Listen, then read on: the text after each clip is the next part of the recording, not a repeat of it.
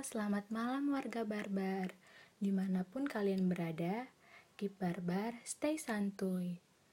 Nah, segmen Kamis Horor hari ini datang dari seseorang yang namanya tidak ingin disebutkan. Daripada penasaran, langsung saja kita mulai ya. Judulnya Suara Mistis.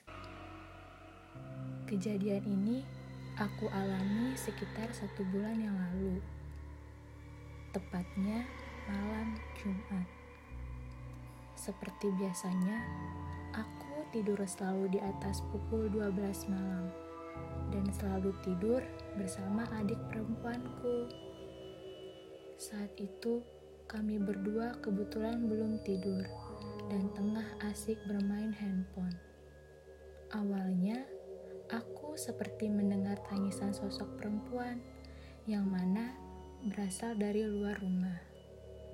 Aku pun kemudian berpura-pura tidak mendengar suara itu dan tetap asik bermain handphone.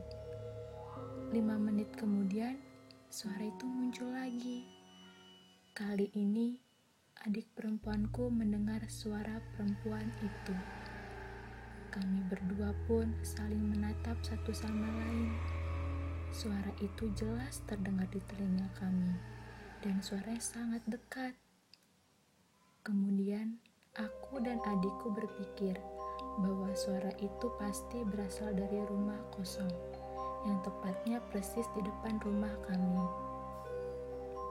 Setelah mendengar suara itu, aku dan adikku lekas tidur agar tidak mendengar suara itu lagi. Keesokan paginya, aku menceritakan hal tersebut kepada ibuku dan benar saja, rumah tersebut ada penghuninya. Ibuku berkata, tetangga yang samping rumahku melihat sosok perempuan yang sedang sisiran dan memakai baju berwarna putih di saat kondisi sedang maghrib. Selepas kejadian itu, aku dan adikku merasa was-was dan takut kejadian tersebut akan terulang lagi.